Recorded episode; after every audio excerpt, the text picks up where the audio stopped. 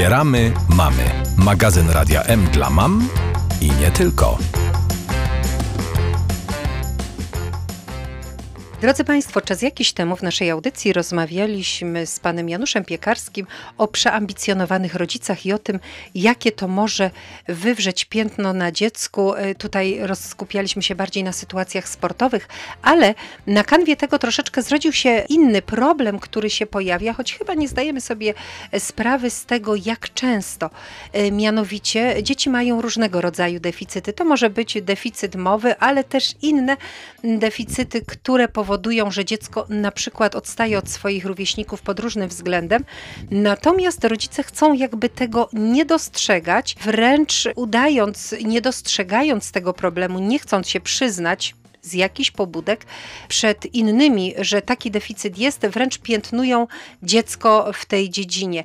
Co się może wtedy zdarzyć? Jak to, jaki to może mieć wpływ na dziecko? O tym rozmawiam z panem y, Dawidem Tomaszewskim ze szkoły Nowej Mowy. Dzień dobry. Dzień dobry Państwu, witam. Jaki to może mieć skutek dla dziecka? Może posilę się taką scenką serialu Bridgerton na Netflixie, bardzo popularny na całym świecie, kiedy ojciec dowiaduje się, że jego syn ma bloki mowy i jąkanie i nie jest w stanie przyjąć tej informacji jako fakt i występuje taka duża presja i piętno, że właściwie syn skaził całą rodzinę, że doprowadził do hańby dla całej rodziny, bo jak może tak dziedzic tronu, dziedzic y, posady jąkać i dukać? Wszystkie następstwa tej sytuacji są takie, że dziecko ma edukację prywatną, jest z dala od rówieśników, z dala od rodziny, żeby tylko nie pokazać tego defektu na zewnątrz. I tu jest takie pytanie, czy taka sytuacja może mieć miejsce w życiu nieserialowym, tym prawdziwym życiu? I odpowiedź jest, no niestety, tak, mają takie sytuacje miejsce, gdzie właśnie rodzic piętnuje swoje dziecko, na przykład z blokami mowy i jąkaniem, ale tu nie tylko chodzi o problem mowy, bo problemy u dzieci są przecież różne. Y, są różne zespoły, są różne problemy z wyglądem, nawet y, z poziomem edukacji, z przyswajaniem wiedzy. I teraz nie każdy rodzic potrafi z tą myślą się pogodzić. Przecież jak to jego syn, jego córka, jego dziecko tak kiepsko mówi, tak kiepsko się uczy, ma takie słabe oceny? Przecież to nie przystoi naszej rodzinie. No i niestety to doprowadza do szeregu frustracji, oczywiście u dziecka, ale też do tego silnego napięcia rodzica, który chce za wszelką cenę udowodnić, że jednak jego rodzina jest na wysokim poziomie, są e, inteligentni, kulturalni, a prawda jest niestety inna, że może się zdarzyć nawet w takich rodzinach, że dziecko ma z czymś problem. Ja rozumiem, że tutaj problem został e, przejaskrawiony, wyolbrzymiony i na potrzeby serialu została stworzona e, tego rodzaju postać, ale czy w życiu codziennym wśród pacjentów pana szkoły zdarzają się osoby, które też mówią o tym, że rodzice właśnie w taki sposób się zachowywali? Niestety takie sytuacje mają miejsce.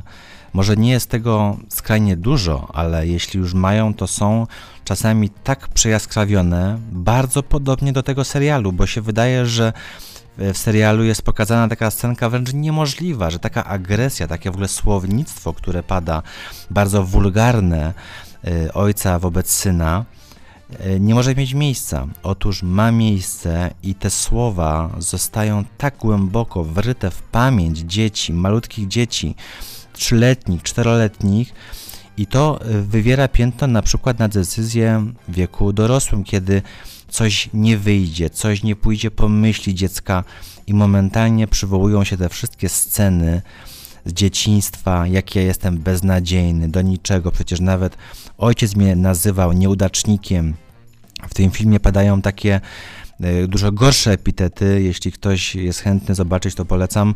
Y, I to wszystko ma miejsce u nas w tej dzisiejszej, nazwijmy to normalnej rzeczywistości niefilmowej, oczywiście to się wszystko lubi zamiatać pod dywan, bo przecież kto się będzie chwalił, nawet dzieci ciężko mają o tym mówić, no ale w treningu nowej mowy ta sytuacja na szczęście wychodzi na jaw, czasami po miesiącach, latach ćwiczeń, że no niestety ten uraz już często był spowodowany właśnie przez tą nadmierną presję bycia idealnym, pięknym, wykształconym właśnie w domu. Tutaj, e, tak jak wspomniałam w filmie, ta sytuacja została wyolbrzymiona. No, e, tak jak pan wspomniał, e, zostali zaproszeni do pomocy nauczyciele, którzy w domu uczyli dziecko.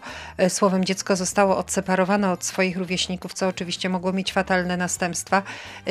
W sytuacji naszej codziennej zwykle zostaje dalej w szkole, bo, bo to nie ta skala finansowa, tak, żeby sobie rodzic tutaj na taką rzecz mógł pozwolić.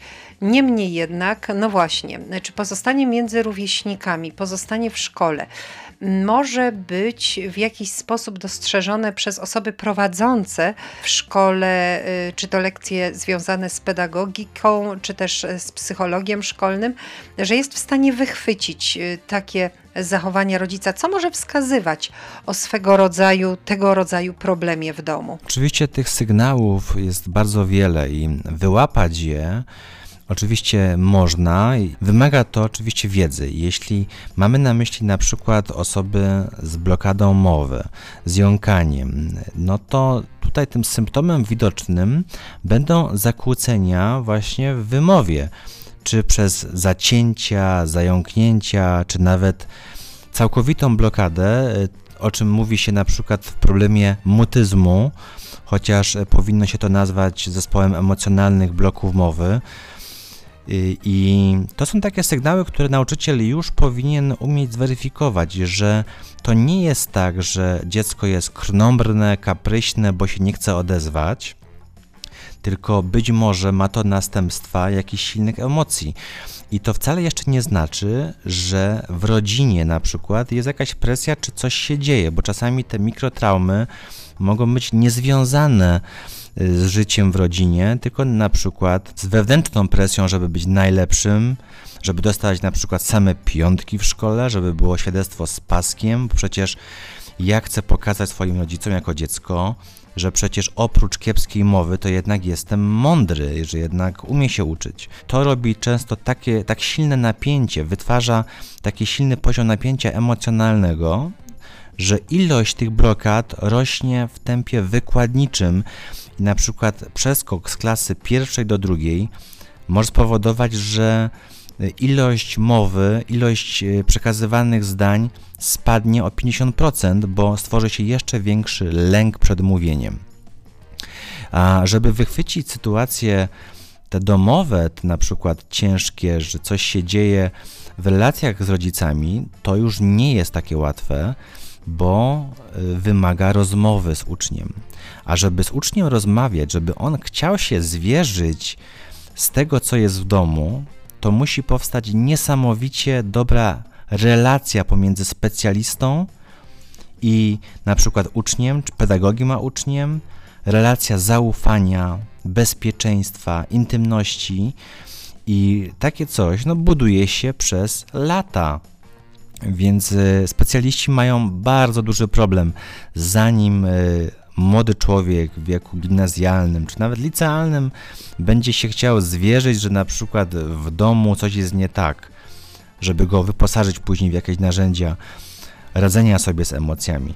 Często to jest ukrywane przez całe życie, aż czasami do łoża śmierci. No tak, bloki mowy, o których Pan wspomina, są jednym z takich e, symptomów zewnętrznych, które jasno widać e, u dziecka, chociaż oczywiście nie wiemy do końca, z czym możemy te bloki mowy łączyć, bo też nie chciałabym, żeby nasi słuchacze teraz odczytali, że ktoś, kto ma problemy z mówieniem, no to w domu jest taki problem. To nie tak, bo problem bloków mowy może mieć e, bardzo rozliczne powody, więc to jest tylko jeden z wielu.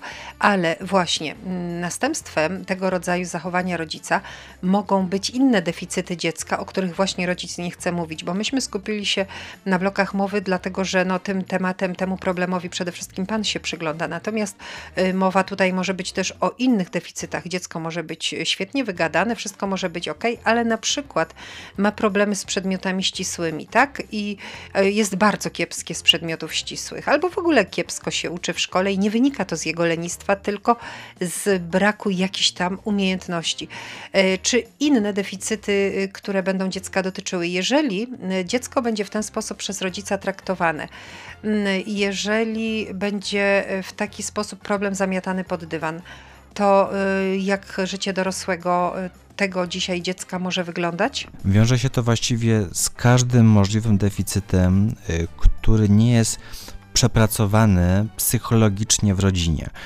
Przepracowuje się to przez rozmowy z dzieckiem i przez wspieranie go w tym y, jego życiu rozwojowym. Przecież ono się cały czas uczy i oczywiście bardzo często jest tak, że dziecko ma zdolności humanistyczne, a nie ma matematycznych. Chciałoby się, żeby miało same pionki, że to jest taki idealny uczeń, ale na przykład nie ma takiej zdolności, bo inaczej postrzega liczby, inaczej postrzega logikę, a na przykład jest w stanie pięknie opowiadać.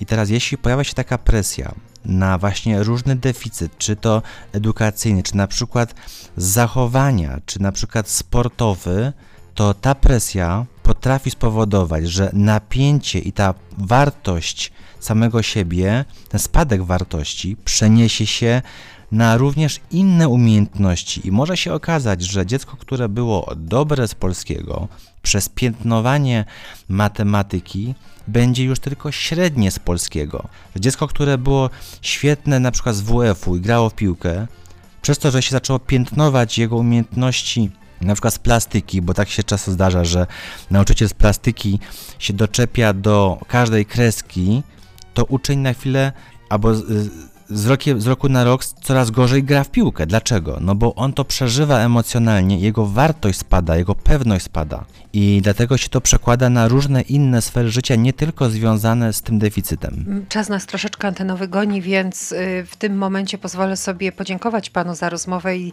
za wskazanie tych y, kilku sytuacji życiowych, które mogą mieć bardzo dramatyczne y, przełożenie na życie młodego człowieka. I mm, chociaż sobie w tej chwili tego, z tego do końca sprawy nie zdajemy, w życiu dorosłym mogą powodować wiele ograniczeń, być może nawet niepodjętych ważnych decyzji życiowych w strachu przed tym, że się nie uda i że nie będę najlepszym, na przykład dyrektorem na jakimś stanowisku, tak? Bo, bo na pewno się do tego nie nadam, a może w innej rodzaju pracy. Dlatego warto się nad tym zastanowić, czy tak dziecko należy traktować i skazywać na takie piętno, a nie pomóc mu w walce z deficytem, o którym mówimy. Bardzo serdecznie dziękuję. Pan Dawid Tomaszewski ze Szkoły Nowej Mowy był z nami. Bardzo dziękuję i do usłyszenia za tydzień. Wspieramy mamy.